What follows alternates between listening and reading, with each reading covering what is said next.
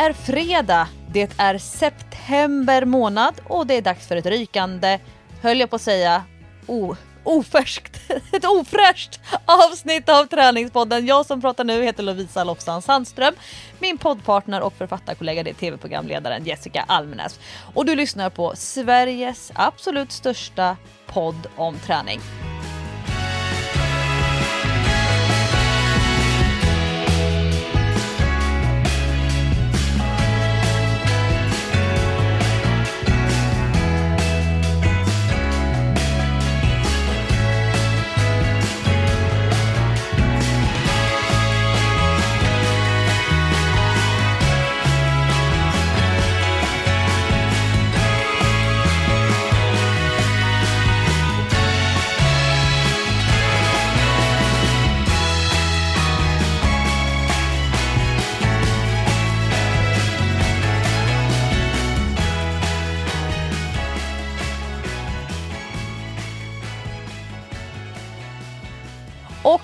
Även om det är september månad när vi kollar i kalendrarna just idag så är det inte september när vi spelar in det här. Solen glämtar, det är början av augusti. Jessica håller på att packa sin väska för att åka någonstans, ingen vet var.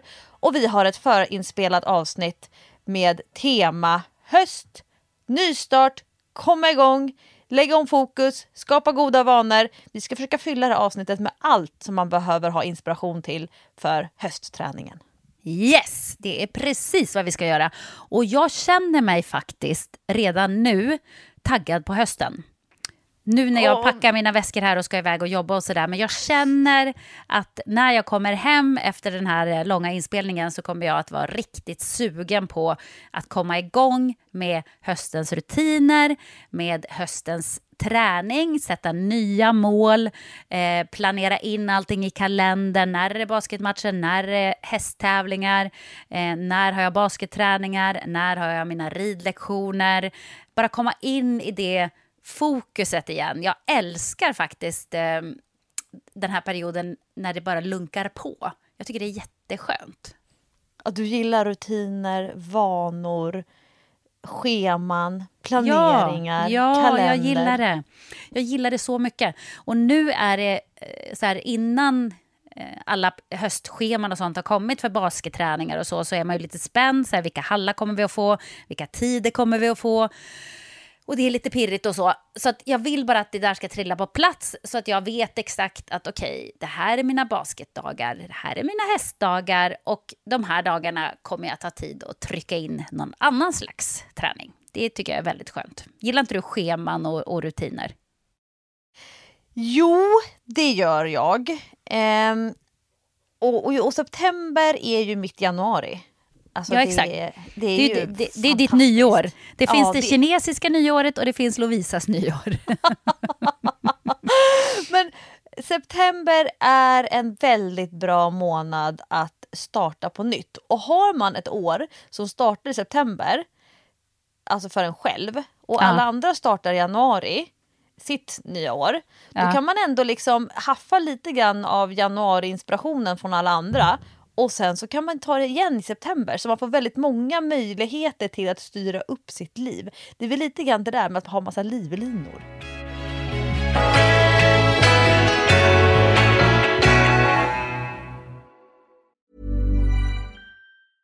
I'm Sandra and I'm just the professional your small business was looking for. But you didn't hire me because you didn't use LinkedIn jobs. LinkedIn has professionals you can't find anywhere else, including those who aren't actively looking for a new job but might be open to the perfect role, like me. In a given month, over 70% of LinkedIn users don't visit other leading job sites. So if you're not looking on LinkedIn, you'll miss out on great candidates like Sandra. Start hiring professionals like a professional. Post your free job on linkedin.com/people today. Mom deserves the best, and there's no better place to shop for Mother's Day than Whole Foods Market. They're your destination for unbeatable savings, from premium gifts to show-stopping flowers and irresistible desserts. Start by saving 33% with Prime on all body care and candles. Then get a 15-stem bunch of tulips for just $9.99 each with Prime. Round out Mom's menu with festive rosé, irresistible berry chantilly cake, and more special treats. Come celebrate Mother's Day at Whole Foods Market. Men känner du att sommaren är liksom... Eh, jag vet inte, för, eh, när, som jag känner i januari, eftersom jag går liksom efter det vanliga nyåret, som, som de flesta i Sverige gör. och då kan jag känna, du vet att december, det är ofta jättestressigt, man har mycket att göra, man kan inte sköta sina rutiner med träning, med mat, eh, man känner sig ofta lite så här, åh, nu har jag ätit för mycket, druckit för mycket, eh, känner mig lite vätskesvullen. Eh, man vill bara liksom kasta sig in i nya hälsosamma, sunda rutiner. Men har du den känslan efter sommaren? Är det därför du känner att hösten liksom är en nystart? Mm, alltså mina somrar är oftast väldigt prestigelösa. Jag gillar när eh, det öppnar upp sig oceaner av tid. Sen är jag en sån person som inte är så bra på att hantera oceaner av tid. För saker och ting kan ta fyra, fem gånger så lång tid att uträtta när det finns väldigt mycket tid. Och när kalendern liksom komprimeras på så sätt att allting trycks ihop, det finns mindre luckor att göra saker. Då plötsligt blir jag mycket mer produktiv, jag blir mer effektiv, jag får saker gjorda och jag gillar den sidan hos mig själv. Så Det är väl lite grann det här med var jag kommer till min allra bästa ja, men där, där jag får liksom ta fram de sidorna av mig själv. Och jag, jag tänkte på det i våras. Så var, jag träffade jag en kompis och alltså hon var så under isen. Hon var typ helt grå i ansiktet. Hon var så mörk under ögonen. Och jag var så här, ja men pepp på vårträning, träna ute, ljusare på kvällarna. Eh, vi kunde liksom inte riktigt mötas i våra sinnesstämningar och jag kände så här, oj oj oj Lovisa, nu får du nog backa lite grann. Eh, jag kommer ju annars som en ångvält socialt. eh, och eh, jag vet, och det har hon så pratat om i flera år, så här, hon får vårdepressioner. Hon tycker inte att, hon blir kanske blir stressad av att så här, ah, nu förväntas man vara ute mer och man ska fånga dagen, nu kommer solljuset. Samtidigt som våren för henne bara är som en en flod av arbetsuppgifter och grejer som ska utföras och så känner hon en stress att snart kommer sommaren och då ska man också njuta och hur ska sommaren bli? Hon liksom tar på sig väldigt mycket negativa känslor kopplade till vår och som sen då spiller över på sommaren. Eh, Medan jag är mer känner att jag har ofta nedförsbacke under våren. Alltså det är verkligen så här choppa äh, undan mm. saker mm. och sen kommer sommaren och sen så träffade jag henne eh, i slutet, alltså nu, det som då nu, nu är liksom slutet, sista tredjedelen av, eh, av sommaren. Och hon var en helt annan människa. Alltså hon var så peachy, hon hade sånt glow och hon var Lovisa jag sover 11-12 timmar per natt. Dagarna bara går, jag gör ingenting, jag mår så bra. Och sen så när hon så här, jag bara, ah, men hur, liksom, hur tänker du kring hösten? Och eh, hon klagar på sitt jobb i några år. Eh, det är liksom kämpigt med olika så här, perioder och liknande. Och då så, så sa hon så här, ja, men jag tänker att jag mår bäst av mycket frihet. Jag mår bra samtidigt av rutiner. Men jag har så kort minne. Alltså, säga, jag glömmer bort att, att jag måste ta hand om mig själv. Och när jag såg henne då, då, i den här fulla prakten, alltså det var som en solros som, som kom jämfört med den här uh, människan som bara uh, typ inte ens orkade prata med mig. Då vill man ju så konservera det in i september man vill konservera och försöka bibehålla lite glow och livslust in i oktober. För sen kommer november och då är många av oss tycker att det är lite kämpigt.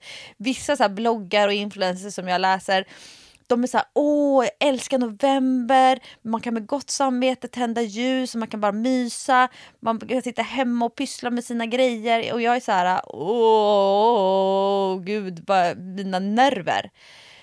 Så jag är liksom, jag tänker jag att september månad, då kan vi konservera så mycket som möjligt från sommaren. Och sen så kan vi liksom ta ett stort studs. Så kan vi liksom hoppa över några månader där innan julen, innan längdskidåkningen, innan skidbackarna, göra snögubbar, det blir vitt och ljust ute. Ja, jag är liksom kluven. September för mig kan vara konservering eller avstamp eller nystart eller greppa tag om alla de där små smultronstråna som man plockade mitt i sommaren. Alltså jag tycker så här, om sommaren har varit varm och skön, att man ändå har fått lite sol, för det behöver vi ju här uppe i norr, då älskar jag hösten. Då tycker jag den är kanon. Jag älskar också november, men det är ju lite för att jag fyller år då, tror jag. Man brukar ju gilla sin födelsedagsmånad på något sätt. September! Jag har inget problem med, med september, oktober, november. December tycker jag också om. Däremot så är jag inget fan av januari, februari, mars. Då vill jag bara klättra på väggarna och jag vet inte, ligga i sängen typ. Men hösten tycker jag är ganska nice. Men däremot om det har varit en kall sommar, mycket regn som det är nu, kallt, grått, alltså, så att man nästan blåsigt. inte ens kan gå i sommarkläder. Ja, exakt, blåsigt, man måste ha med sig en liten jacka eller så. Då får jag nästan panik när det blir höst. Då kan jag vara så här, nej, nej, jag, jag vägrar vänta ett år till på sommaren. Jag vägrar, jag har liksom inte fått min soldos, jag behöver den verkligen. Eh, så att det beror lite grann på faktiskt, vädret, med vilket ehm, eh, mod jag går in i hösten. Men jag brukar alltid vara väldigt träningssugen på hösten. Det brukar jag vara. Ja, och det där, jag kan inte förstå människor som inte är träningssugna på hösten. Det måste ju finnas något form av kapital som har byggts upp under sommaren som man bara liksom vill få utlopp för. Ja, men man tycker ju det, för det är ju lite grann samma faktiskt som precis innan nyår, att man kommer lite grann ur sina rutiner, man kanske äter, dricker på ett annat sätt än man brukar göra, kanske inte riktigt lika hälsosamt och sådär. Eh, och då brukar man ju faktiskt känna en längtan efter att få använda kroppen. Men hur märks det för er att det är höst? Alltså, då tänker jag på er i PT-branschen. Känner ni av att nu blir en liten rush här till hösten eller hur brukar det vara? Ja, framförallt eh, för mig som följer jättemånga gym och eh, träningsprofiler och sociala medier. Då är det ju liksom en stor lock, eh, lockelseperiod. Alla profilerar liksom sina paket och sina erbjudanden. Nu fick jag upp reklam för att eh, träna gratis fram till eh, ett visst datum. Dessutom får du sola gratis för det här var ett gym som fortfarande har solarium. Sola? Ja, så jag var så här, men gud vad det kändes eh, 90-tal. Ett gymmedlemskap där även solariet ingår. Alltså, okay. det, det var ju det man var på jakt efter där i 90-talet. Och bara, man får sola gratis. Ja, ja, ja, gud ja. Det var ju lika viktigt att sola två gånger i veckan som att träna två gånger i veckan. så att resultaten ska synas. Nej, men många står ju och skriker och vevar och försöker liksom, eh, som i marknadsstånd, försöker få in köparna till sitt just eh, sitt lilla stånd och visa vad man erbjuder. Och, och eh, de allra flesta jobbar ju med att det liksom är det priskänsliga segmentet. Att man rabatterar, att man eh, paketerar, att man får någonting gratis, man får någonting på köpet och så vidare. Sen finns det ett fåtal som jobbar med att trycka på kvalitet. De kanske inte ens skriver ut vad de tar betalt för sina medlemskap och sina PT-paket och liknande. Um, jag tycker ju själv personligen, efter så här himla många år i träningsbranschen, att det är roligast att coacha människor som har en regelbundenhet året om. Det betyder inte att man eh, tränar varje vecka året om, absolut inte. Kanske inte betyder att man tränar varje månad året om. Eh, men man har inte årslånga uppehåll. Alltså att, det, eh, att man har liksom inte gjort någonting på, på ett år. Eh, och då, då menar jag liksom inte kanske den här gravida kvinnan som eh, inte har gjort någonting. Eh, för den personen kanske ändå har promenerat och den kanske ändå har liksom haft ett gummiband med övningar från eh, sjukgymnasten och liknande. Men mer det här när, när man liksom har fallit helt av vagnen under liksom ett år eller längre. Den gruppen är Um, det, det, är ganska hög sannolikhet, eller stor sannolikhet, att det, liksom, det bara blir ett, ett fyrverkerisatsning. Mm. Um, och, och det vet jag varken är bra för motivationen hos den personen för att den än en gång misslyckas i sina egna, alltså så som den ser på sig själv, men också väldigt ofta att man vill göra så himla mycket. Man vill ha ett träningsprogram med fem pass i veckan, man vill ha ett kostschema, man vill ha en inhandlingslista för ICA. Um, och, och, det tror jag inte är ett så bra sätt att köra igång på om man har varit borta ett år eller mer från all typ av Eh, så aktiv livsstil eller någon form av medvetenhet kring vad man stoppar i munnen. Men det har jag ju pratat om i Träningspodden så många gånger att man inte måste göra och styra upp allting samtidigt, även om september är en sån månad där många väldigt gärna vill äta nyttigare, gå ner i vikt, börja promenera, sova fler timmar per natt, eh, ha större framförhållning i kalendern, eh, ta, vårda sina relationer, eh, styra upp det som har varit liksom eh, kanske lite försummat sen i april, maj när man tyckte att det började bli lite stressigt. Men att man kan liksom göra någonting här och någonting där, lite grann si, lite grann så. Att det inte behöver vara den här liksom jätte stora satsningen i september, även om eh, kicken av att göra en planering för en sån satsning, den är ju fantastisk. Man känner sig ju så proffsig när man har gjort en punktlista med tre saker som man ska ändra på under varje fokusområde. Ja, verkligen. Det, det, är ju härligt med en nystart. Alltså det finns ju en anledning till att folk gillar det.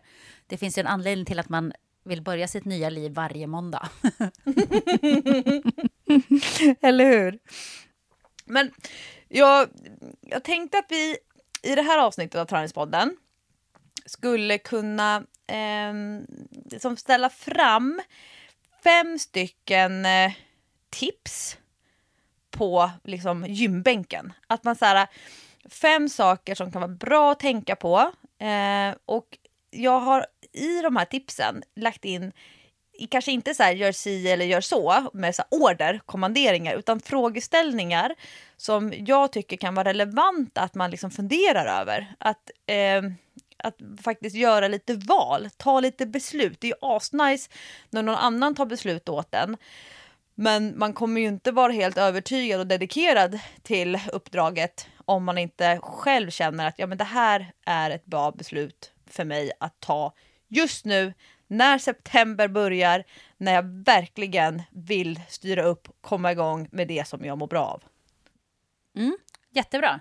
Och eh, du älskar att göra listor. Du, det, alltså, du brinner för det, eh, har jag märkt när jag har poddat med dig nu i åtta år. Eh, så att, eh, shoot, första punkten. Vad har du för lista? Ja, på första punkten så ska vi göra ett eh, tidshopp. Man älskar att kunna resa i tiden. Ja, verkligen. Då ska, vi, ja, då ska vi resa till januari månad. Oj, oj, oj. och nu kan jag inte, ja. Det var väl inget roligt tidshopp? Januari månad 2023, vi ska bakåt i tiden. Ja. Man, mm. man, skulle gärna vilja hoppa framåt i tiden och bara kunna se så här, allting som man har gjort bra utan att behövt göra det. Man har inte behövt anstränga sig någonting, man kan bara liksom eh, skörda frukten. ja, fast det är ju vägen, du vet, det, jag brukar alltid tjata om det. det är inte målet, oh. det är vägen. Ja, just det. Vad hette Kar hon nu Karin igen? Boye. Karin Boye. Karin Boye. Jag ska jo. inte tjata igen för alla er eh, träningspoddläsare som har, äh, lyssnare som har hört det hundra gånger. Men fortsätt. I mitten av januari, då hade vi ett äh, avsnitt eh, som vi, där vi pratade om Träningspoddens nya år.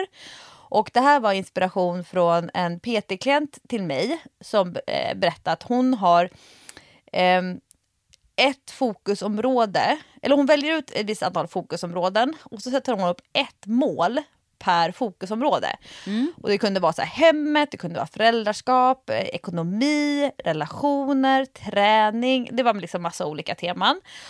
Och då spann jag vidare på det och du och jag jobbade fram en, en, fokusområden för ett helt år där man månad för månad bestämde så här, ja men i januari, nu, kom, nu ger jag exempel, då sa jag då skulle man kunna ha hit höstträning som fokus.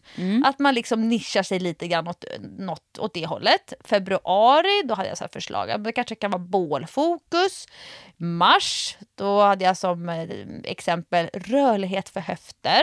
Och så vidare och så vidare och så vidare. Och så kollar man på vad man då, om man nu gjorde den här listan i januari när man lyssnade på Träningspodden. September, då hade jag som förslag meditation. Just nu, inte jättesugen på att meditera, kanske.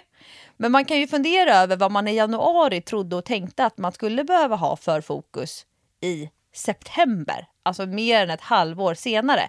Så punkt nummer ett på min lista med fem tips för träningshösten 2023. Det är att man bestämmer eh, ett fokus, någonting där man liksom vill anstränga sig lite mer, lägga lite mer krut och energi på. Och eh, tycker man att den där listan som man gjorde i januari, nej men det var ju, det är inte det jag är sugen på, då kan man byta fokus. Men jag tror att det är smart att man gör någon form av liksom omställning från augusti, från sommarmånader till september. Och för mig och väldigt många andra som tränar mycket utomhus på sommaren, då kanske det ska vara liksom etablera sig, en återetablering i gymmet. Skulle kunna vara fokus. Och då ska man inte hålla på och kompromissa med det. Har man bestämt att det är återetablering i gymmet som gäller, ja, men då får man nog vara beredd att lägga två pass i veckan på att tillbringa tid i gymmet. Så att man liksom kommer igång med den eh, vanan, om det är nu det som man vill se framför sig att hösten ska innebära. Mm. Det är ju jättebra. Har du själv bestämt vad du ska ha för fokus då? Nej, nej, nej. Jag lever inte som jag lär. jag har ingen aning och då kan jag, jag skyller på en enda sak. Att du ska springa Tjejmilen? Ja, för jag tänker så här i övermorgon när det här avsnittet släpps. Då har jag ju sprungit Tjejmilen. Ja. Tjejmilen är på lördag imorgon. Och på söndag då vet jag om jag vill ha mer eller om jag bara... Men eh, du, du vill liksom känna, känna under loppet eh, hur du känner för löpningen? Alltså jag kan ju tänka, alltså, är det inte rätt nice att sluta när man är on top of things? Det finns ju bra och dåliga sidor med det. Det som, det som är dåligt med det är ju att eh, var tråkigt, för man kan ju alltid bli ännu bättre. Eller hur? Ja, ja exakt. Hmm, den där är lite klurig. Jag kommer ihåg för prick ett år sedan. Då var jag i Sälen, för det var ju min födelsedagshelg. Och så sprang jag Sälen fjällmaraton. Alltså jag sprang ju hela skiten, 42 kilometer, eller om det var ännu längre. Upp och ner för berg och upp och ner för berg och upp och ner för berg. Och det blev verkligen så här tydligt eh, nedslag för mig i min eh, höstträning. Eh, jag trodde ju inte att eh, löpning skulle vara någonting som jag höll på med så mycket som de kommande månaderna. Men sen blev ju liksom, jag fick ju värsta boosten, började köra fyra gånger fyra minuter. Eh, började alltså springa med pulsklocka och eh, regga pulskurvor och kolla GPSen. Det hände ganska mycket med, med mig den löpträningen och liksom började, och gjorde mina VO2 max-tester med sån här mask. Alltså det var, det trodde jag inte skulle komma i början av september förra året. Eh, nu tänker jag att låt säga att jag gör Tjejmilen och är jätteglad, jättenöjd, kanske för första gången i mitt liv lyckas springa ett lopp där jag känner att jag har sprungit smart. Det jag verkligen känner så här att det är min egen kapacitet som styr. Jag har säkert gjort det någon gång för länge, länge sedan, men jag minns det inte. Och då, då kan jag absolut se framför mig att jag fortsätter löpträna kanske två gånger i veckan hela september, hela oktober. Kanske att jag håller i det fram till höstlovet i november också.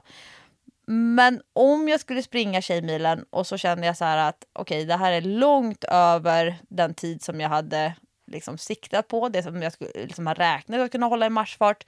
Då måste man ju ta ett beslut. Ska jag anstränga mig ännu mer? Jag har redan gjort hemläxan. Jag redan för, hade förberett mig med träningsprogram. Ska jag köra ännu mer, se om jag kan få ut mer?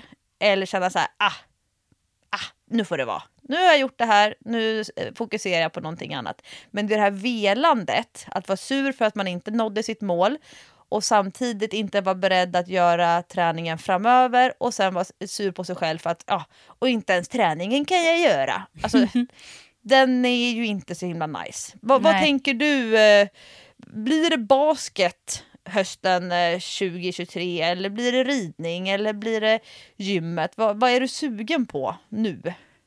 Nej, men jag är väl också lite grann som du. Jag måste känna in det där lite grann. Men eh, jag kommer att jobba väldigt mycket den här hösten. Jag kommer vara borta mycket och jobba. och då vet jag ju att det som kommer att hålla mig uppe under de här jobbperioderna, det är ju att jag får träning gjord. För annars kommer jag inte orka. Och då vet jag också att det kommer att bli en del löpning, för att det är enkelt att springa även om man inte har tillgång till ett gym. Eh, och det kommer säkert att bli eh, en del gymmande också, men kanske lite mer hotellgymsgymmande.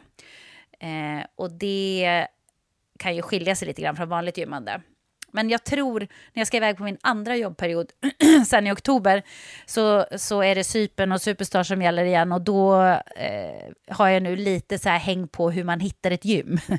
så, så det där kommer jag nog Oh, lösa. du har knäckt den koden. Ja, exakt. Alltså, jag har ju inte ens tänkt på det innan. Att man faktiskt kan bara leta upp ett lokalt gym och fråga så här. Eh, jag ska vara här och jobba nu i tre veckor. Eh, kan jag få träna? Vad, vad kostar det om jag vill träna här eh, obegränsat i tre veckor? Och det gjorde vi ju senast. Då hamnade vi på det här underbara lilla Crossfit-gymmet. Ja, men det var Du helt och dina magiskt. crossfit-kompisar. Jag älskar att träna där. Det var skitnice verkligen. Jag blev superinspirerad. Så att jag ska eh, försöka hitta något gym på plats på Cypern. Så då kommer det att bli mycket fys. Och jag gissar att jag då måste liksom försöka bygga upp eh, någon slags basketfysik igen. För att eh, min basketfysik den är inte tippelitopp just nu. Det vill säga explosivitet, stora starka benmuskler, eh, starka axlar, armar. Där är jag inte riktigt tyvärr. Och kondition. Så att den kommer jag behöva jobba på eh, tills, eh, tills jag kommer tillbaka. För det blir ju väldigt sporadiskt för mig i höst med, med basketen faktiskt. Eftersom jag är borta så mycket. Och även ridningen. Men vet du vad jag har gjort? En smart grej. Jag Köpt har, en häst. Jag tänkte säga så här, jag har sålt, men det har jag ju inte riktigt gjort för det har inte kommit några pengar in till kontot. Jag har gett bort mina ridlektioner till min son. Så han ska nu rida i min grupp på stor häst. Han Det var ju- generöst. Ja, han rider ju ponny egentligen. Nej, men jag är så rädd om den där eh, platsen som jag har fått. Det är ju ganska svårt att få plats på ridskolan som jag rider på och jag har eh, bästa ridläraren, bästa tiden, bästa dagen. Jag vill inte bli av med den platsen. Och så känner jag också så här, ska jag sälja en och en lektion? Det kommer att vara ett jättejobb att hålla på med och då kommer jag förlora en massa pengar. Och då tänker jag, då kan väl han istället, då investerar jag det i hans ridkarriär istället. Så han får rida de lektionerna. Men det innebär ju att jag sa att jag ville ha rutiner. Den här hösten kommer det inte att bli skitmycket rutiner. Men eh, jag tänker så här, jag kommer att köra överlevnadsträning. Det är vad jag kommer att göra. Det, vad heter han? Bear Grylls? Nej. Ja, exakt. Men den träning som är möjlig där jag är kommer jag att utföra. För jag kommer definitivt att träna. Train to survive. Lite så kommer det att bli. Så vi får se, men det, det kommer ni att få mycket uppdateringar på hur det blir. Men det är lite svårt att lägga en plan när man inte, när man inte kan hålla någon rutin egentligen. Som en stafettläkare. Ja, lite så. Li, lite så. Så att eh, vi får se, är det otroligt tråkiga svaret på den frågan. Punkt nummer två på min eh, eh, lista till veckans avsnitt av Träningspodden. Då, då vet vi ju att väldigt många Träningspodden-lyssnare tänker på oss på fredagar. För då vet de så här, ah, nu kommer det äntligen ut ett nytt avsnitt. Men det är så härligt, för vi vet ju att nästan majoriteten också tänker på oss på söndagar. Ja, såklart. Först var jag så här, va? Vad menar du nu? Sen kom jag på det, Lovisa. Det är klart att eh, ni tänker på oss på söndagar, för på söndagar då sätter man sig med sin lilla söndagsplanering. Ja, Jessicas framgångsrecept. Ja, det är verkligen... Eh, alltså det är ju det som gör att jag överlever veckorna lite grann. Min söndagsplanering i min analoga kalender, där skrivs allting ner. Och eh, det är ju inte bara träningen utan det är ju hela mitt liv som måste stå där om jag ska komma ihåg någonting. Men träningen har ju en tendens att bli av om man har planerat när den ska göras. När, var, hur är liksom ett jättebra första steg för att träning ska bli av. När, var, hur. Mm. Alltså, jag kan se en trend. Mm, vad är det då? Nu, ja, nu stoppar jag upp ett pekfinger i luften här och börjar liksom rikta in mig vart vindarna blåser. Fast det är alltid lättare att säga trender bakåt i tiden. Det är svårare att förutse vad som ska hända härnäst. Men lyssna, lyssna på den här trendspaningen. Mm. Förr i tiden, då var det ju så att på den sjunde dagen, då vilade man. Mm. man eh, det var ganska mycket regler kring söndagar, hur matbutikerna fick vara öppna. Eh, systembolaget är ju fortfarande stängt. Alltså det var ganska så hårt reglerat och många människor hade också en väldigt så tydlig syn på hur söndagar skulle tillbringas. Ja. Och eh, tittar vi på ja, 90-tal, 80-90-tal, när jag växer upp, då var ju det här med söndagsmiddagar, det som har liksom varit så här en familjedag i väldigt många hem. Söndagsmiddagar blev liksom en liten, det var ju en ganska stor grej i väldigt många familjer i Sverige på 90-talet. Att det liksom kanske var en samlingsmiddag som inte sker på fredagen för att då är folk kanske iväg på fortfarande aktiviteter eller eh, föräldrar jobbar sent lördagar, alltså Fångarna på fortet, äta popcorn. Eh, kanske var en, en hämtpizza på den tiden pizzorna kostade 29 kronor. eh, och eh, söndagar var liksom ändå fortfarande liksom en, en, dag, en kväll där många kunde mötas. Men det var liksom ändå så här, kan se framför mig att det var väldigt många som körde tvätten, eh, stod och strök och liksom på den tiden man stryk, strök alla kläder och vek ihop och la, liksom, städade hemmet, eh, involverade barnen i att lägga fram kläder liksom inför veckan och liknande. Och nu så har trenden sedan mer eller mindre några år tillbaka. Det finns säkert vittnen som kan säga att ja, men så där har det varit länge. Eller så finns det de som säger så här, ja verkligen, det har kommit nu. Men då är det människa, människors stora önskan och längtan efter att förlänga helgen hela vägen in till nattning på söndag kväll. Alltså att helgen tar aldrig slut. Man vill liksom maxa in. Det ska vara lyxigt på söndagen, snart är helgen slut. Det är lite mer dekadens på söndagar. Det kanske finns vin kvar i bag-in-boxen. Man vill inte eh, ta, ta slut på kalaset för tidigt på söndagen. Och att man därmed vaknar på morgonen på måndagen och bara Åh! Man är inte varken fysiskt eller mentalt redo för en ny vecka. Mm. Man vill liksom förlänga helgen. Det är väl ganska många såna här livsstilsrådgivare kring eh, mental hälsa och människor som går runt och liksom upplever mycket hög inre stress. Så har man ju liksom haft som tips, många av dem, att så här, söndagen att man inte behöver vara stressad över att en ny vecka börjar och söndagen är också en dag för att njuta. Och, eh, men är det så himla bra att starta veckan på måndag och inte ha en plan för vad som ska hända? I don't think so. Nej, jag, jag håller nog med dig faktiskt. Jag, och, och, även om jag skulle önska att jag kunde vara lika avspänd på söndagar som på lördagar och, och fredag eftermiddagar, kvällar, så är det ju inte så. För att man är ju ändå så här, okej, okay, imorgon händer allt det här och kanske måste man förbereda. Och jag är ju inte till exempel jordens mest effektiva person på morgonen. Det tar, allt tar väldigt lång tid har en tendens att komma sent om det är tidiga grejer. Um, så att eh, för mig är planering det är ju livsviktigt. Jag måste så här, ska jag jobba, måste hänga fram kläder, jag måste eh, packa en väska, det här ska jag ha med mig och så vidare. Och lite samma är det ju faktiskt med, med träningen, för att om jag ska iväg och jobba och vill sen träna på vägen hem eller träna på lunchen eller vad det nu kan vara, ja men då måste ju den där gymväskan också packas kvällen innan. Mm. Jag, tror, jag tror på söndagsplaneringar och jag har verkligen inte rutin för det. Eh, jag höll på att säga alla veckor per år, men jag skulle nog säga att det är nog eh, eh, färre veckor jag får till söndagsplaneringen än vad jag inte får till det. För att man måste också komma ihåg på söndagen att man ska göra söndagsplaneringen. Men när jag väl gör den så är det mycket skönare att behöva göra en liten justering och byta dag på någonting än att en hel dag har passerat och så inser jag herregud, det här var, skulle ha varit en dag när jag skulle springa. Mm. Eller oj, det här skulle ha varit dagen där jag eh, styrketränade. Så inser man det i efterhand. Då är det ganska smart att ha söndagsplaneringen, även om den kanske inte eh, ser likadan ut varje söndag. Och det är faktiskt eh, tips nummer tre på eh, listan. Mm, vad, vadå exakt?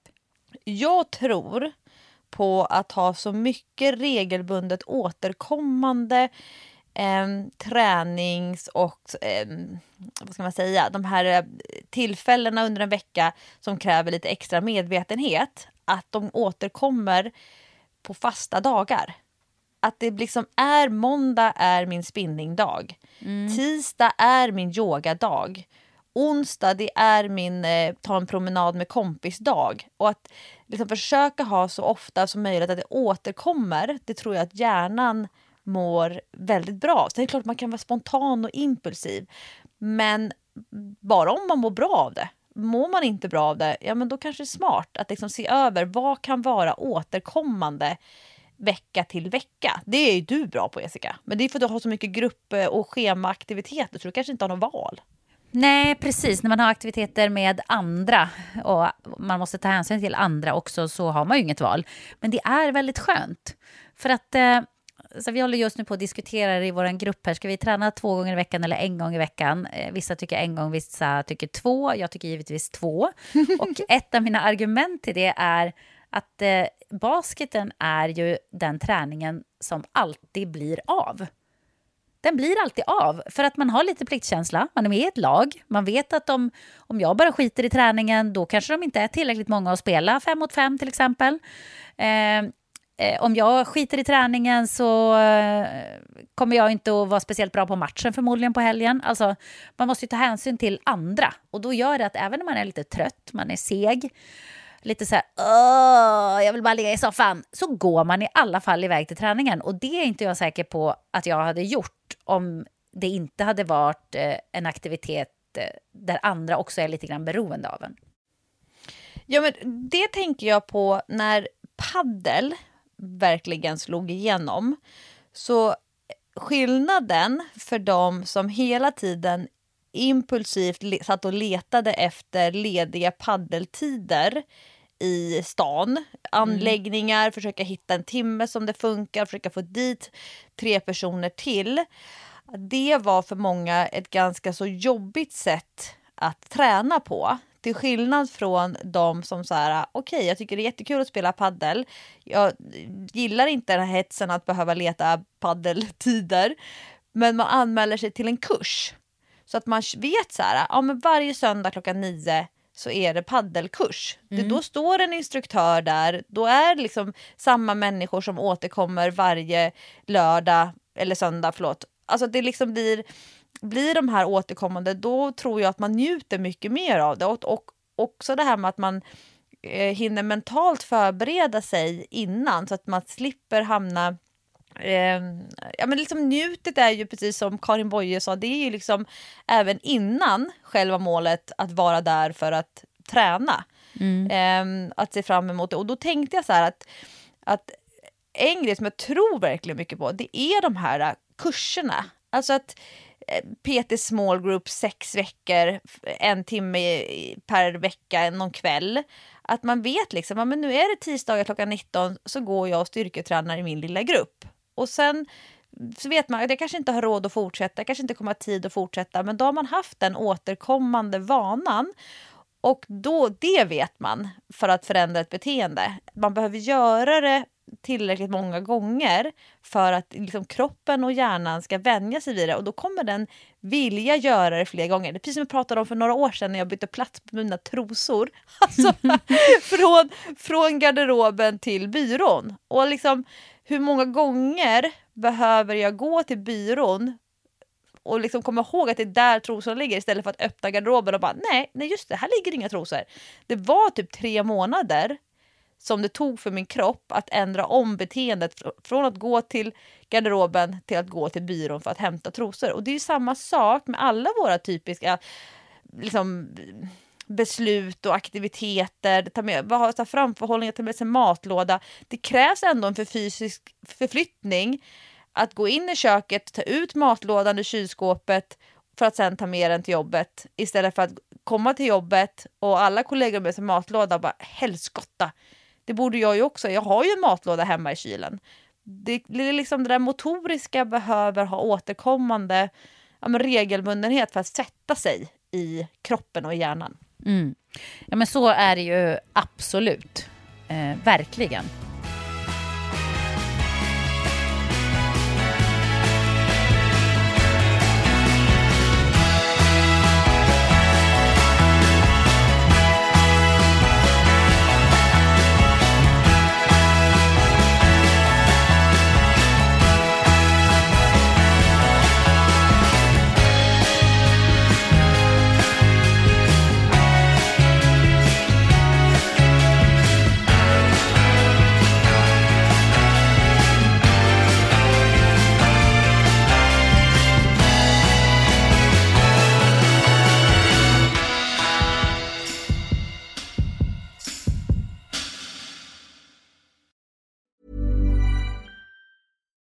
One size fits all seemed like a good idea for clothes. Nice dress. Uh, it's a it's a t-shirt. Until you tried it on. Same goes for your healthcare. That's why United Healthcare offers a variety of flexible, budget-friendly coverage for medical, vision, dental, and more. So whether you're between jobs, coming off a parent's plan, or even missed open enrollment, you can find the plan that fits you best. Find out more about United Healthcare coverage at uh1.com. That's uh1.com. There's never been a faster or easier way to start your weight loss journey than with PlushCare. PlushCare accepts most insurance plans and gives you online access to board-certified physicians who can prescribe FDA-approved weight loss medications like Wigovi and Zepbound for those who qualify. Take charge of your health and speak with a board-certified physician about a weight loss plan that's right for you. Get started today at plushcare.com slash weight loss. That's plushcare.com slash weight loss. plushcare.com slash weight loss. Vi är även denna vecka sponsrade av Rusta och det passar perfekt för det är ju full vår ute nu. Man kan vara ute utan att ha dunjackor och tio lager kläder, det gillar man. äntligen, äntligen! Varje vår tycker i alla fall jag att det känns som att det är ett helt nytt liv som börjar. Jag kan sitta ute, jag tycker om att känna solen värmer ansiktet. Och för mig är det liksom, det, det är ett njut. Älskar att vara ute. Och Rusta, det är vårens bästa vän för de har allt för det här nya livet, utomhuslivet.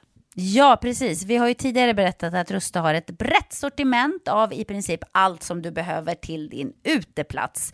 Och jag har eh, snackat mig varm om solcellsbelysning. Det tycker jag är kanon. Du var inne på ljusslingor och krukor, Lovisa. Men oavsett vad man behöver så får man mycket för pengarna hos Rusta när man ska förvandla och förnya sin uteplats. Hur är det hos dig Jessica? Har du några favoriter när du ska piffa upp er utomhusmiljö? Ja, men det har jag faktiskt. Jag gillar att det känns lite loungeigt. Så jag brukar ju satsa på att köpa någon ny utomhusmatta. För att de är väldigt prisvärda hos Rusta. Så det tycker jag är en stor favorit. Jag ska säga vad jag är sugen på. Berätta. Jag tycker ju att det är bra att ha kuddar som man inte behöver ta in. Det står absolut på min lista för den här våren. Ja. Oh. Det ska vara lätt att ta sig ut. Kuddarna ska bara ligga där, redo att ta emot den. Ja, man älskar sånt som man inte behöver plocka ut och in. Mm.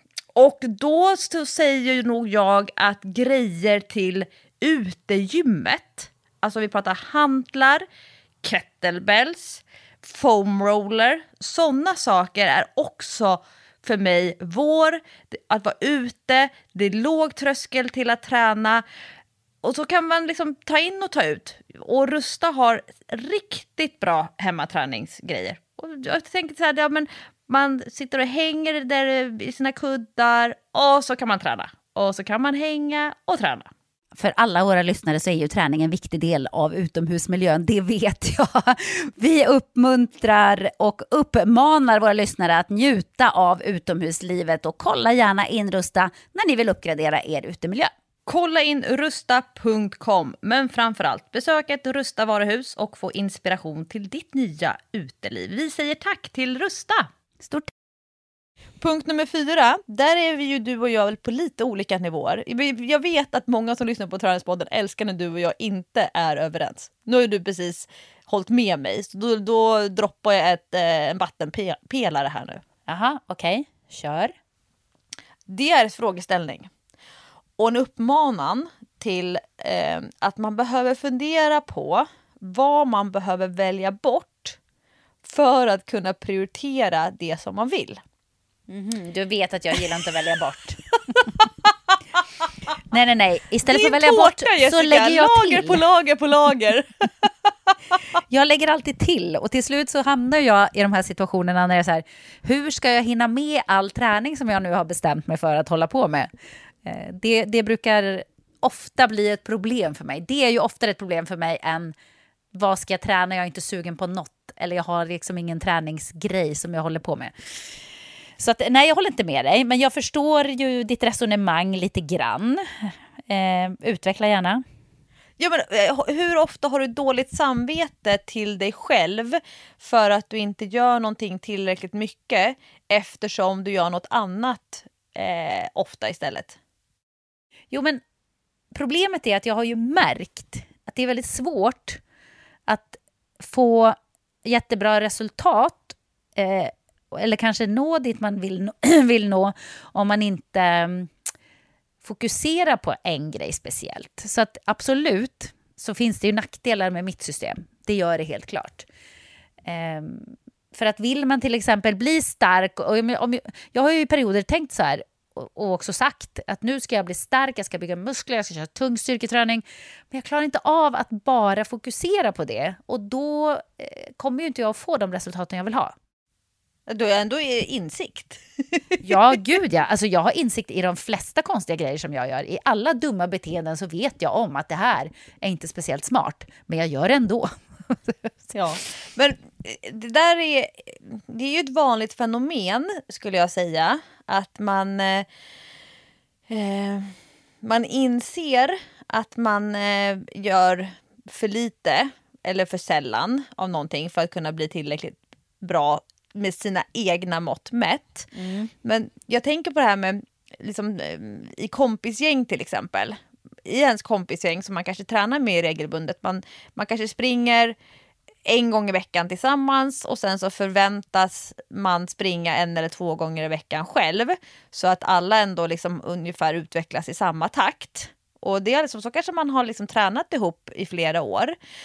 Och sen så är det en person som kanske får ont eller blir skadad eller typ tycker inte att det är så himla kul att springa eller vill då som satsa på styrketräning som för många är verkligen så här det eviga dåliga samvetet. Att man inte styrketränar tillräckligt ofta eller mm. liknande.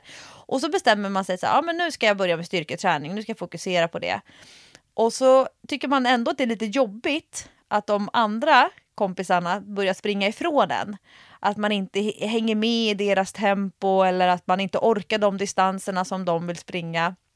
Och så blir man kluven i det. Så att man ja fast jag vill ju ändå styrketräna men jag vill ju också å andra sidan alltid kunna känna att man kan springa och hänga med i tempot och det kanske inte känns så roligt att säga så här, nej men jag har inte sprungit på två veckor. Eh, då måste man ju liksom finna sig snabbt och säga så här, men jag har varit på gymmet fyra gånger sen vi sågs på senaste löppasset. Att man liksom ändå kan eh, ge sig själv den, eh, det berömmet. Eh, och jag kan ju liksom se mig själv för ja, ganska många år sedan. Då tyckte jag ju alltid att jag aldrig gjorde tillräckligt av någonting. Och det var så här att jag kunde på många sätt känna mig så dålig och o, att, så här, outnyttjad kapacitet. Och jag hade, ville gärna, det här var på den tiden när gladiatorerna var stort och jag liksom träffade ofta gladiatortjejerna, body fitness-tjejerna på gymmet. Eh, Better Bodies hade varje år en så här eh, talent model search där man kunde anmäla sig som så här, oupptäckt fitnessmodell och jag typ så här, drömde om att kunna anmäla mig till en sån tävling. Alltså det här var ju då tidigt 2000-tal, sent 90-tal. Eh, det var lite andra, andra Annan tid. träningstrender, det var Ja. andra ideal. Eh, men då, och då, då, det var, kunde vara så här klassiskt där jag så här, ehm, inte insåg hur hårt och fokuserat de tjejerna tränade sin styrketräning. Hur de höll på med sina fitnessmatlådor. Eh, att de kanske hade styrketränat hårt i tio år och jag kanske hade kört i två år två gånger i veckan lite planlöst på ett gym där jag liksom gick runt och drog lite grann i maskiner. Eh, jag hade liksom inte insikten i vad de gjorde. Och jag själv så här, ja, men paddlade, sprang lite grann, åkte mycket inlines, kanske åkte lite längdskidor, gick på bodypump, gick på Friskis intensivpass, gjorde massa grejer eh, där jag liksom ja, men hade regelbundet träning men jag trodde och tänkte liksom att det gör de där tjejerna också på något sätt. Jag trodde liksom att det räcker med att man rör på sig, det räcker med att man tränar eh, blandat och så. Och så såg jag liksom inte vad de gjorde som jag inte gjorde och jag skulle inte heller liksom kunna embracea, alltså jag, men den livsstilen funkar ju, funkar ju inte nu och det skulle inte funka då heller. Um, men jag tror just det där med att vissa personer har svårt att sluta med saker medan andra är helt osentimentala och bara klipper direkt. Nu, jag har ju blivit det på senare år eh, och liksom verkligen kapar banden till eh, intressen eller träningsformer och liknande. Nu har det blivit typ som ett stående skämt i träningspodden. Bara så här, vad, vad ska bli min nästa? nästa Vi har gått igenom allt från thaiboxning till eh, crossfit, till paddle, till eh, paddling, till längdåkning. Vi får se, det ska bli kul att se vad, vad jag fastnar i nästa gång. Men, eh, men jag är ju väldigt osentimental och eh, har inte heller dåligt samvete över att jag tar fram saxen och klipper. Till skillnad från ja, men du och din golf. Eller du och din eh, maratonsatsning. Eller du och, alltså alla de här grejerna som du lägger din själ och ditt hjärta. Du är ju så... Du, du bygger upp en sån fin kärleksrelation till dina projekt som jag inte har förmåga att göra. Jo, men jag är, så, jag är ju så luststyrd, vet du. Jag vill ju träna det som känns lustfyllt. Eh, som, eh, alltså jag behöver ju det för att gå igång och tycka att det är kul. Och då blir det så här att man kan inte riktigt släppa det heller. Som, jag drömmer ju fortfarande om att jag en dag igen ska kunna springa maraton. Jag har inte gett upp det. det alltså jag skulle aldrig få mig för att säga Nej, men jag, jag är inte en maratonlöpare längre. Jag, jag har inga planer på att springa något maratonlopp mer i mitt liv. Alltså det finns inte. Det ska jag göra. Så att vissa grejer har jag liksom fått lägga lite grann på paus. Som är stackars, stackars golf som jag betalar helt i onödan. Nu har jag spelat en gång i år, jag spelade en gång förra året. Vad är det för någonting? Och då, och då fattar man ju att man inte blir bättre och så blir jag arg på varenda runda för att det går så dåligt. Men hur konstigt är det då om man spelar liksom en runda om året? Det vore ju konstigt om det gick bra faktiskt. Så att det, det är lite tråkigt. Men varför jag inte vill välja bort någonting som jag gör just nu, det är ju för att allt det är ju otroligt lustfyllt för mig. Jag älskar ju mina hobbys. Alltså mina hobbys, det är det bästa i mitt liv. Ja, det är kärlek verkligen. Ja, och jag fattar fattar inte. Eh, jo, jag fattar, för jag fattar att det handlar om tid och prioritering och sånt. Men, men jag fattar egentligen inte varför inte alla vuxna faktiskt har en hobby. En egen hobby. Inte så här, det här gör vi i familjen, det här gör jag och min sambo. En egen, egen hobby. Med det som man själv tycker är lustfyllt och kul. Jag kan inte förstå det. Alltså, det måste man göra plats för i sitt liv. Du, jag älskar det här brandtalet Jessica. Jag fick lite rysningar nu. Vad härligt. Jag, jag tror att det är få människor som brinner så mycket för sina hobbys som jag gör.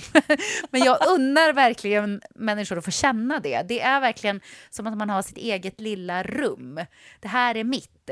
Jag är inte bara mamma, sambo, eh, programledare, eh, städfirma, du vet, allt det där som man är i relation till sin familj och sitt jobb, utan jag är också Eh, en egen individ. Och det här tycker den här individen är kul. Och det har jag bestämt att jag ska eh, dedikera tid till i mitt liv. För det är jättetråkigt om man ska leva sitt liv och bara känna så här, jag har en massa roller som jag måste liksom uppfylla och eh, klara av. Men just det där som är liksom mitt innersta, roligaste, bästa, varför får inte det tid? Kommer du ihåg, eller kommer du ihåg, men du som gillar amerikanska kändisar ganska så mycket, ungefär lika mycket som du älskar dina hobbysar. eh, det var lite överdrivet, men okej, okay, jag, jag, är lite intresserad av eh, amerikanska kändisar. Ja. eh, för något år sedan så tog ju eh, Britney Spears-fenomenet en lite otippad vändning eh, för oss som har följt Britney Spears genom väldigt många år. Jag är ju uppvuxen med Britney Spears. Hon, är ju, hon kanske var lite för ung för dig när du var ung. Nej, nej, nej. Äh, du, du har också henne i ja, ditt Jag har också superstark relation till Britney Spears. Ja. Och eh, nu är man ju lite nyfiken på vad som ska, hur den där historien ska, liksom, vad som kommer hända kommande år. Men det här var ju några år sedan när ett av hennes väldigt stora besatta fan spelade in en film med ett riktigt så här bryt. Leave Britney alone! När han var så upprörd över hur Britney behandlades. Har du sett det här filmklippet? Nej, det har jag faktiskt inte gjort. Äh, det har blivit ganska många memes. Eh, han är jätteupprörd över hur media eh, hanterar Britney. Och det är liksom, han sätter verkligen ner foten. Och jag ser framför mig hur du Jessica, om någon skulle få för sig att kritisera någon av dina hobbys. Leave my hobbies alone! Du kommer ja, gå i elden! ja, men alltså jag kräver ju inte att alla andra ska älska mina hobbys. Det fattar jag att folk inte gör. Det jag försöker lyfta fram är att man, man eh, borde som vuxen faktiskt unna sig att ha en hobby som man brinner för. Det tycker jag verkligen. Det... Men du förväntar dig att människor ska respektera och acceptera dina hobbys? Det kanske är det? Ja, alltså framförallt förväntar jag mig att människor ska respektera att jag prioriterar att lägga tid på mina hobbys.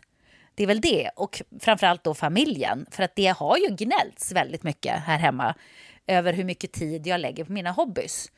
Eh, och jag tänker så här, procentuellt sett på en vecka så lägger jag ju inte skitmycket tid på mina hobbys. Och det brukar jag försöka lyfta fram. Alltså, min vecka innehåller ju otroligt många timmar och de här få timmarna lägger jag på att spela basket och, och rida. Sen vissa veckor blir det ju lite mer då, då kan man väl säga. Men, mm. men eh, jag tycker verkligen att det får folk eh, respektera, att det är viktigt och den gåvan ska man ge sig själv i livet. För livet är kort alltså. Man ska göra det man tycker är roligt. Punkt nummer fem, det sista tipset inför träningshösten. Det är också en frågeställning och här är vi inte heller överens. Nej. Och, eh, ja, men jag tycker det är bra, därför ja, ja, att alla är människor kul. är olika. Du och jag är olika och då är det ju jättebra att det, vi kan stå för olika saker. Därför att om det fanns ett framgångsrecept som passade alla. Om det fanns en allsmäktig lösning som gjorde att alla människor blev starka, vältränade, bra på att springa, bara gjorde nyttiga bra val när det handlar om att äta, alltid gick och la sig tid. Då hade ju människor redan levt så. Ja, alltså alla det... hade gjort det då, givetvis. Ja, ja, det är ju hur enkelt som helst. Om det skulle vara så att alla skulle ha exakt samma lösning.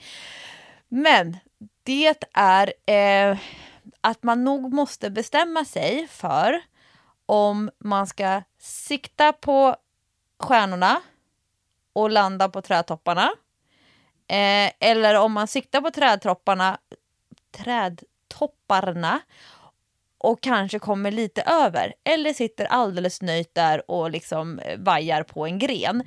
Du Jessica, du älskar ju att sikta sjukt högt. Du sätter upp... Ja men du har ju jätteambitiösa träningsscheman. Och ja. även om du bara utför 70-80% av det så är du supernöjd. Och du lägger upp så här strikta, så här ska jag äta, så här ska jag dricka, de här tiderna vore bra om jag fick i mig mat. Liksom, du gör ju väldigt ordning och reda och liksom ganska hårt och noggrant. Och sen är du nöjd även om du inte uppfyller allting det, för du vet att du ändå uppfyller mer än vad du hade gjort om du hade siktat mot trädtopparna istället. Mm. Ja, ja, så är det ju verkligen. Alltså, det är väldigt, jag... väldigt sällan jag gör allt till punkt, punkt till pricka. Ja, det, det får och man det, ändå säga. Det funkar ju ändå för dig, medan jag är ju så modest Och eh, lite feg och lite lagom och eh, tassar mer på tå och eh, har ju liksom en helt annan approach för mig själv. Och, och det när jag har med, med PT och klienter att göra, och särskilt online-klienter som man inte känner, där man jobbar mycket med skrift, då måste jag så komma ihåg, just det Lovisa, alla är inte som du. Det finns väldigt många som är som Jessica Almenäs.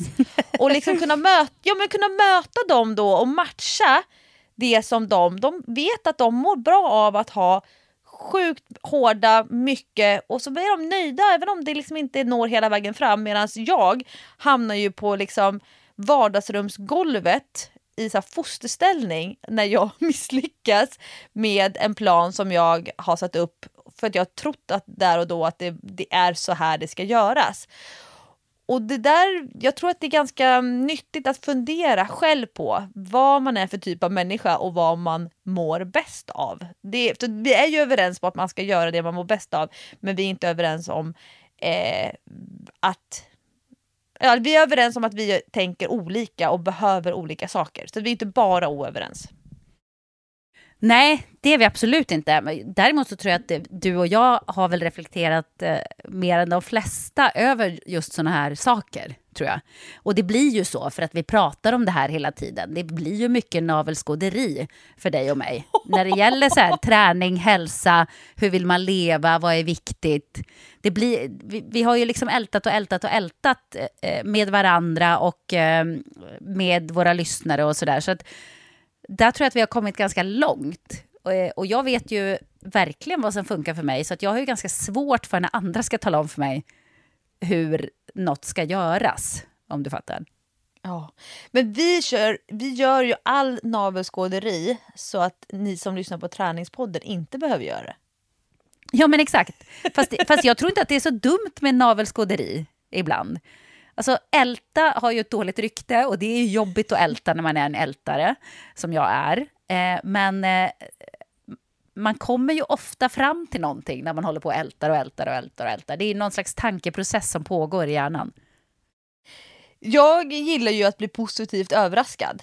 Alltså jag gillar ju att ha ganska låga förväntningar och det hörde ni ju mig nu precis säga inför Tjejmilen att jag har ingen aning. Det kan gå åt ena hållet, det kan gå åt andra hållet och eh, sen får jag ju hybris eh, och liksom bara typ springer in i väggen och bara blir typ förvånad åt det negativa hållet. Bara, men gud, vem är jag? Vad trodde jag att jag skulle vad jag skulle uträtta för stordåd. Eh, men jag satt faktiskt, jag kom hem från eh, min tre kilometers morgonrunda eh, som jag då håller på med under sommaren. Eh, och nu är det i början av augusti när vi spelar in det här avsnittet av Träningspodden. Och jag minns inte vad jag sa inför sommaren. Jag kanske måste gå tillbaka i våran eh, poddspelare och, och se vad jag sa. Men jag summerade när jag var liksom hög på endorfiner och så sjukt nöjd med mig själv att jag satt klockan på sju och faktiskt var ute och joggat och gjort min tantgympa. Eh, då summerade jag och så tittade jag så här, men hur blev sommarträningen i juni och juli? Och så, så såklart så tog jag i lite grann och la i på två dagar i augusti också. För att det, det liksom läggs på lite grann på statistiken. Och då är det så härligt. Jag blir så positivt överraskad. 69 träningspass Jessica Almenäs. Oj! Ja! Det, det är jättemånga. 32 löppass, 25 styrkepass och 12 paddelpass i kanoten eh, på då två kalendermånader plus två dagar.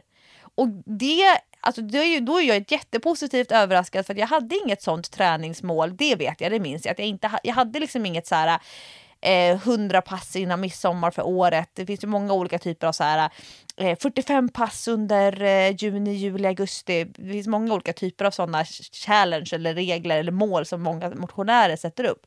Mm. Så att, att bli positivt överraskad är ju ett sätt att nå och känna framgång. Men jag har ju inte lika mycket njut på vägen under resan att så här, jag kommer ett steg närmare målet, jag kommer ett steg närmare målet eftersom jag inte hade det som mål. Så då blev det så här kul i efterhand att sätta upp mål och se så här, ah, 69 pass. Så kan man liksom inte hitta mål i efterhand som eh, eh, man tydligen har nått utan att man visste om det eftersom man inte hade det som mål. Och, och, jag däremot som alltid har jätte, jättehöga mål och sen någonstans längs vägen så glömmer jag bort det där målet och så är jag lika glad ändå. För det blev ju tränat i alla fall. Doris Hitta Nemo igen här nu. Hon återkommer. Ah, men vet du vad jag är expert på? Jag, jag har ganska höga krav på mig själv och vill gärna vara bra på saker och sådär. Men jag vill inte att någon annan ska ha några förväntningar på mig. Så att Patrik känner ju igen det här så väl. Varje gång som vi ska göra något med några andra, om man ska spela paddel, man ska spela kort, eh, alltså det kan vara vad som helst, volleyboll spelar vi på semestern, så eh, säger jag alltid, men jag är inte så bra på det här, jag kan inte det här, jag har nästan aldrig gjort det här, ni får inte ha några höga förväntningar på mig för att jag, eh, jag kan inte det här. Och sen är jag ju då alltid bättre än vad jag liksom utger mig för att vara. Så varje gång som han hör det här, han bara Åh, nu börjar hon igen med sitt jävla bäsande av sig själv. Åh! Han är så trött på mig. Men för mig är det väldigt skönt. Jag gillar ju liksom att överträffa andras förväntningar och då måste man ju först sänka dem ner i botten. Jag, jag är ju i andra ändan av skalan där. Jag tror ju att jag är bäst. Och eh, ja men alltså på riktigt. Och tror också, det här kan jag se hos ett av mina barn, att man går runt och så här tänker att alla andra också tänker att man är bäst. så på riktigt, vi, jag vet inte om jag berättat det här i Träningspodden men vi var och spelade badminton. Och eh, vi hade då bokat en vanlig sån här badmintonbana, vi hade hyrt racket och så här, hyrt bollar. Eh, och eh, bredvid oss då, vi alltså kör familjebadminton vilket till 99% går ut på att hålla, hålla sams. Alltså det är ju typ jo, det som... tack, jag känner igen det där alltså. Och du vet, jag brinner ju av. Jag blir så jädra förbannad eh, när det blir så. Och så säger Hans bara, men Lovisa det är ju du, det är ju du som sätter igång det. Släpp det bara, släpp det bara.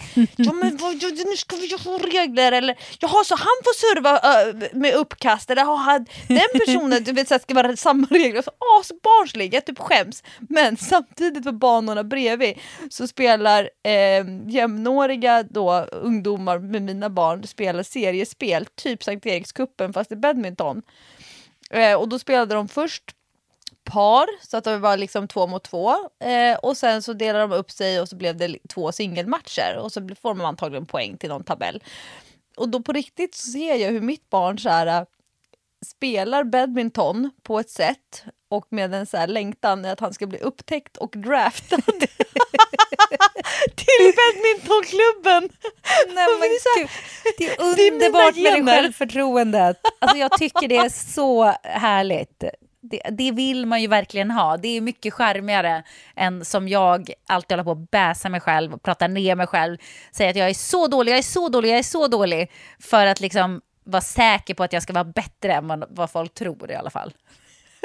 jag, jag var ju spelade squash några gånger nu i vinter eh, för att eh, visa att jag engagerar mig i min mans intressen och hobbys. Mm. Eh, jag tjatar på honom i flera år att han måste skaffa sig en hobby. Och så Bra, gör han du det. ser! Hobby, ja, hobby. Mm. Alltså hobbys är ju väldigt attraktivt. Ja, det är det verkligen. Det, det är sexigt, det är eh, tändande, det eh, finns en självständighet, det finns en inputkanal alltså att, att komma hem och prata om sin hobby, det tycker jag ju är sjukt attraktivt. Ja, ja.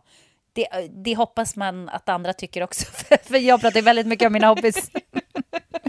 Men jag var, då, och då hade jag ju verkligen berättat mina negativa erfarenheter med mitt ex som också var då squashspelare och hur det gick åt helvete och typ relationen bara, åh, det var, jag tyckte det var fruktansvärt och därför tog det också 14-15 år innan jag då följde med min man på hans hobby.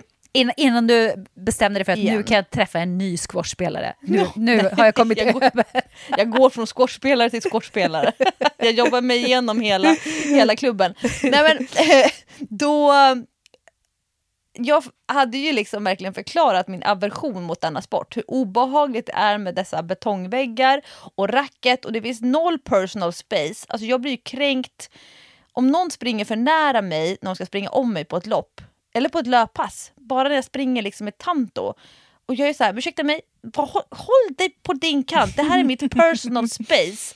Du vet när jag ser att de cyklar klunga på Tour de France och jag, är så här, jag blir typ kränkt av att de är så nära varandra fysiskt. Ja, alltså, ja. Och deras vägnar. Ehm, så squash tycker jag är jättejobbigt för att det är så mycket som händer, det är så komplext och jag har inte min egen lilla yta.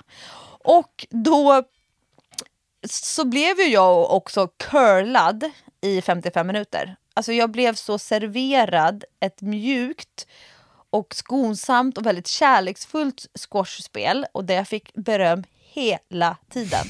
Alltså det var så pedagogiskt och kärleksfullt och jag kände mig ju så sjukt proffsig. Alltså jag kände mig som att jädra vad jag är bra på squash. Jag har sen talang för det här. Ja, och har jag ställt upp kameran och så filmat och bara liksom shit, jag, ser, jag tänkte jag var så kolla på filmen, ah, det var inte riktigt så jag tänkte att jag såg ut. Men, och sen på vägen ut ur squashhallen så står jag och tittar på så här, deras anslag där de har på Vasa Health Club där, eller Vasa Squash Club. Eh, så står det så anslag för olika kurser de har och att man kan så anmäla sig och så ska man så spela då en kurs. Och så fanns det olika grupper, olika nivåer. Och jag så här i min hybris bara satt och läser beskrivningen för varje kursnivå. Eh, och så här typ fasta med fingret så här, på typ en medelgod spelare. Och så tänkte jag så här, ja men tisdagar kvart över elva, ja men det skulle ju ändå funka så här. För jag tyckte att det var så och så pratade jag med han som är typ huvudtränare på klubben. Så, här. så sa, äh, men eh, han visste ju då att jag var där och spelade första gången på länge. Frågan hur har det gått så här? Jag bara, åh, det gick så himla bra och jag tänkte jag kanske skulle anmäla mig till en kurs och så här. Och så hade det dessutom varit en kurs som pågick bredvid medan vi spelade. Och eh, jag tyckte så här att ja, men det där är väl en, en grupp för mig. så, han, så pekade han på anslaget. Han bara, ja men Lovisa den här gruppen tror jag skulle passa för dig. För då hade han nog tittat lite grann när jag spelade. Du var verkligen så här beginners beginner och så stod det så här grunden typ krav. Det var så här eh, kunna hålla bollen i spel vid vänskap. Alltså det var liksom kunna göra en serv jag blev så här, jag bara, va? Jag är ju så mycket bättre än så. Men det är för att jag har ju fått, det är som att bowla med staket. Alltså du vet, man känner sig så jädra bra när klotet går hela vägen fram till käglorna utan att ha åkt ner i rännan. Alltså det var en sån typ av squashträning som jag fick. Ja. Men eh, det, så där var jag ju så positivt överraskad hur fruktansvärt duktig jag var. Det var ju för att jag blev servad en arena där jag bara skulle känna mig bra. Jag har ingenting att komma med i squash förutom att jag kan göra utfall åt alla håll väldigt snabbt och explosivt. Men sen är jag ju rädd för allt annat. Men jag, jag, älskar ändå det där att du har det där självförtroendet. Det är så jävla härligt ändå. Eh, och också lite kul. Nej, men så tips nummer fem, och som då avslutar eh, fem träningstips inför sommaren, det är att fundera över när man sätter sina ambitioner, när man gör sin träningsplanering, när man liksom börjar spika vad är det jag ska fokusera på som kommer gynna min hälsa, min prestation, min kropp, vad det än nu är. Fundera över om du ska sikta svinhögt och lägga upp en noggrann plan, hårt strikt och nöja dig med att kanske inte kommer nå hela vägen. Eller om du är lite mer modest och eh, känner dig asgrym för att du lyckas med allt som du har satt dig fast det kanske är väldigt lagomma små mål. Det finns liksom inget rätt eller fel där. Nej, och nu, nu hör jag att det är dags för oss att sluta för att du sa eh, träningstips inför sommaren. Så att du är fortfarande Nej! kvar i maj. Men eh, alla våra lyssnare fattar givetvis att du menade höstens eh, träningstips. Och nu hoppas jag verkligen att ni tar åt er av detta. Gå nu ut och skaffa er en jävla hobby om ni inte har en hobby. För att det är varje människas rätt. Jag brinner för detta. Jag kommer att stå på barrikaderna och skrika alla ska ha en hobby. Från kvinnlig rösträtt till att ha en hobby. Steget Japp. är inte jättelångt. Det krävs en kamp. Och nu vill Siri skicka mig till Rynos hobbyshop. Just nu stängt. Ja. Kanske inte var där jag skulle skaffa mig en hobby, men eh, hur som helst. Lycka till med eran eh, höstträning, Lovisa. Lycka till när du imorgon ska springa Tjejmilen. Jag är så spänd på att höra hur det går. Kommer att hålla tummarna och grattis i förskott. Ett rungande grattis från alla Träningspoddens lyssnare till Lovisa. Puss och kram på er! Tusen tack, puss och kram!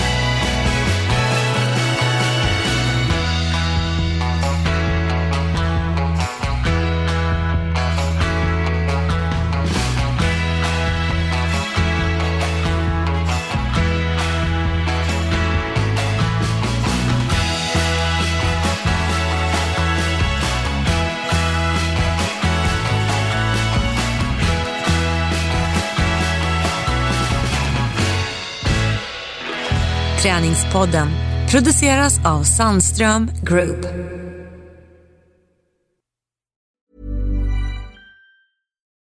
Deserves the best, and there's no better place to shop for Mother's Day than Whole Foods Market. They're your destination for unbeatable savings, from premium gifts to show-stopping flowers and irresistible desserts. Start by saving 33% with Prime on all body care and candles. Then get a 15-stem bunch of tulips for just $9.99 each with Prime. Round out Mom's menu with festive rosé, irresistible berry chantilly cake, and more special treats. Come celebrate Mother's Day at Whole Foods Market.